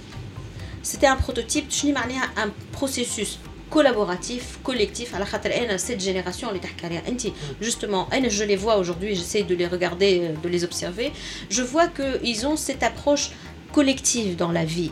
Quand ils avancent, ils avancent ensemble. Ce n'est pas la génération, les Trabet, par exemple, dans les années 80 et 90, qui était très individualiste. Aujourd'hui, par exemple, quand on parle de liberté individuelle, les libertés individuelles, Lyouma, on milite collectivement pour les libertés individuelles. On pratique ces libertés individuelles collectivement. C'est plus les libertés qu'on imaginait avant ou l'approche de la société qu'on imaginait avant. Et d'ailleurs, tu as parlé tout à l'heure de la, conférence qu'on avait faite euh, Nahad Lahad. Justement, euh, la conférence a amené à Nahad le point de départ. L'Institut des politiques publiques euh, de Macharoua Tunis a organisé une conférence finable. A le Startup Act comme point de départ, justement, d'un comment devrait fonctionner un processus législatif? C'est un ou à les finances digitales, comment mettre ça en œuvre, comment arriver à convaincre l'Assemblée? Justement, je pense qu'il faut prendre le modèle comment a été fait le Startup Act entre administration, politique, élus, société civile, monde économique? Il y a eu une dynamique qui a été créée et qui a vu, qui a travaillé au-delà de la démagogie ou à la des appartenances ou à la des ancrages politiques. Ils sont arrivés à un objectif. C'est ce processus qu'on doit reproduire plus souvent, de manière systématique en termes de législation. Mais Zeda, le Startup Act, d'ailleurs euh, Ali Mnif, qui était l'un des intervenants, a fait une corrélation qui m'a beaucoup plu entre le Startup Act, l'écosystème startup et les, liber- les libertés euh, individuelles, libertés économiques, mais aussi libertés humaines, la réforme de la loi 52, la, la réforme de l'article 230, etc. Et ça, c'est, ça crée cette ambiance, cette atmosphère nouvelle pour que les, les, jeunes dont on parle depuis tout à l'heure, cette génération, elle soit à l'aise dans cette société où elle vit. Alors, Sinon, c'est pour ça qu'elle part. C'est juste pour expliquer. Donc, je suis en article 52 ou la loi 52, article 230. Loi 52, il y a la loi là. Mhm. Et l'article 230, c'est le l'infâme article euh, qui autorise euh, les, examens à nous pour. Euh, pour prouver l'homosexualité, voilà. les, les, les d'homosexualité. ما عندها حتى علاقة دان بوان فيو ميديكال جوست اللي يسمعوا فين باش يقول لك دخل هذا في هذا سي جوست انه هذايا نذكر كلام قالوا آه، حسام تاع كوجيت قال أنا قاعد نخدم ستارت اب مش ستارت اب حياتي ماهيش خدمة ودار Oui. سكو يلزمني نعيش Oui. Et donc, ce volet-là, il est hautement, euh, c'est pas stratégique, mais important lié أنا. نكمل الخدمة مع الستة متاع العشية مع السبعة متاع العشية نحب نخرج نتفرج. Voilà, Ta- ton ambition n'est pas de rentrer à la maison en passant par le supermarché faire des courses ou kahao, faites de Voilà. Et d'ailleurs, justement, on a besoin d'avoir une fluidité économique, une fluidité sociale, une fluidité professionnelle qui d'abord permettent l'exercice de ses libertés et de son individualité, mais aussi laisse le temps.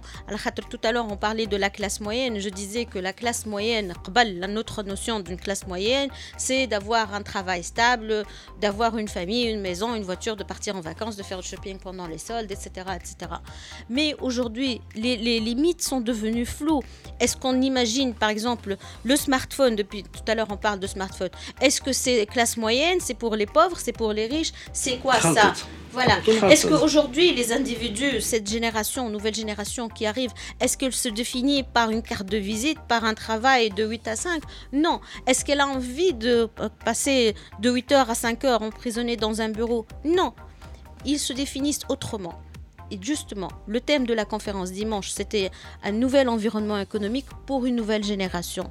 Donc, on a besoin de leur faire un petit peu de place. D'ailleurs, on avait sur le panel des gens très intéressants. Il y avait Hedi que tout le monde connaît, de Tata Vora. Il y avait à Alimnif, donc, qui a parlé de liberté individuelle, justement, et Startup Act, comme exemple.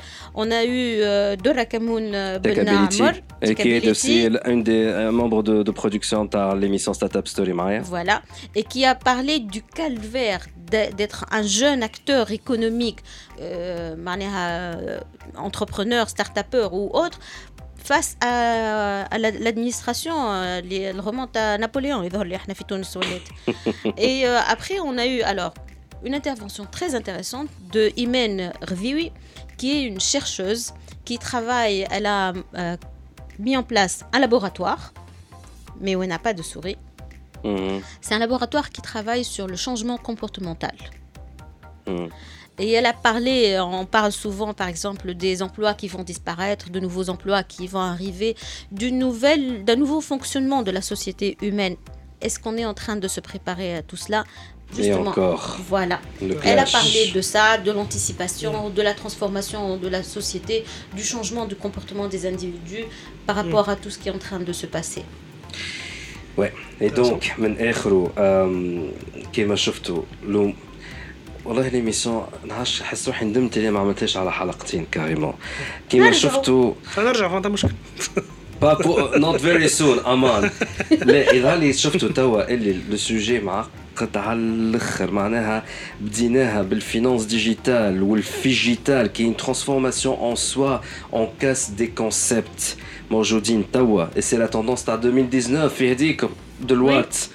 عملت ليتود وبدات هي et c'est la tendance تاع 2019 دونك فما ريتك فما زلزال قاعد يضرب زلزال قاعد يضرب L'ubérisation de la vie humaine. Euh, on utilise à outrance كلمة l'ubérisation mais فما زلزال قاعد لا، يضرب On Mais est, c'est euh, vrai, mais c'est vrai. on est en bas de C'est l'ubérisation. l'ubérisation. Ouais. C'est le fait de tout faire ensemble, de partager les, les ressources de la vie.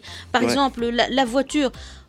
combien euh, d'entre eux rêvent d'avoir une voiture aujourd'hui? Le premier réflexe, c'est le transport public. Ah Or, on n'a pas de transport public. C'est l'ubérisation du transport, l'ubérisation de la finance, de tout. En tout cas, euh, par rapport à la Tunisie, où on a le parti politique, les, les politiques, là, les gilets euh, jaunes, France, et cette démocratie 4.0.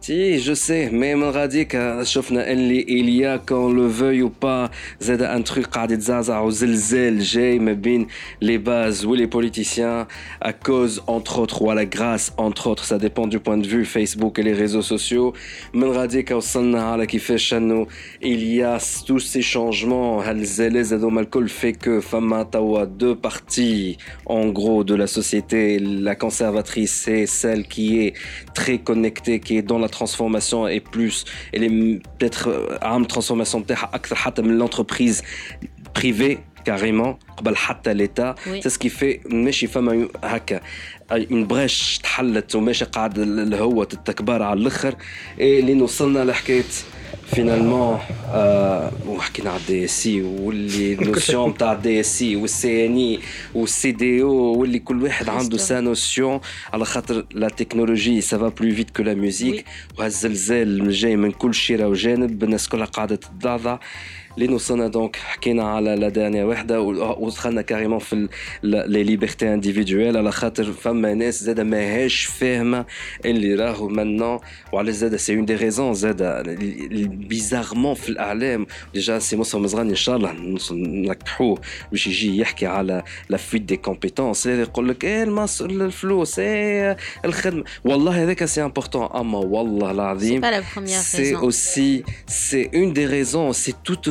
سي بيت كو سا اللي أنا خممتوش نكمل خدمه شنو باش نعمل في تونس. شنو باش نعمل في تونس؟ تمشي تخرج لبرا. عندك حاجات أخرى. راهو الدنيا ماهيش اونيكمون باش نخدم وبعد نمشي نرقد. دونك تو تي اون تران دو شونجي بوتيتر بوتيتر كان كابتي توشي تو وصلنا لآخر حلقة ساعة ونص قزقاز نحن نسجلوا. هو عنده باش يبكي قزقاز بحذايا. من الحصة هذيا إن شاء الله وصلتوا فهمتوا حاجة أنه راهو فما برشا حاجات قاعدة تتبدل. برشا تزعزيعات برشا زلازل وماهيش باش اي سافا سومبيغي أما سا ديبون دو فو كان أنتم حالين مخاخكم. عارفين اللي برشا حاجات باش تتبدل الشانجمون عمره ما هو ساهل. Vous êtes able to accept that. راهو ترانسفورماسيون ولا ترانزيسيون باش تكون سهلة وما غير مشاكل. Que vous allez faire de la résistance باش تعملوا كيما les seniors.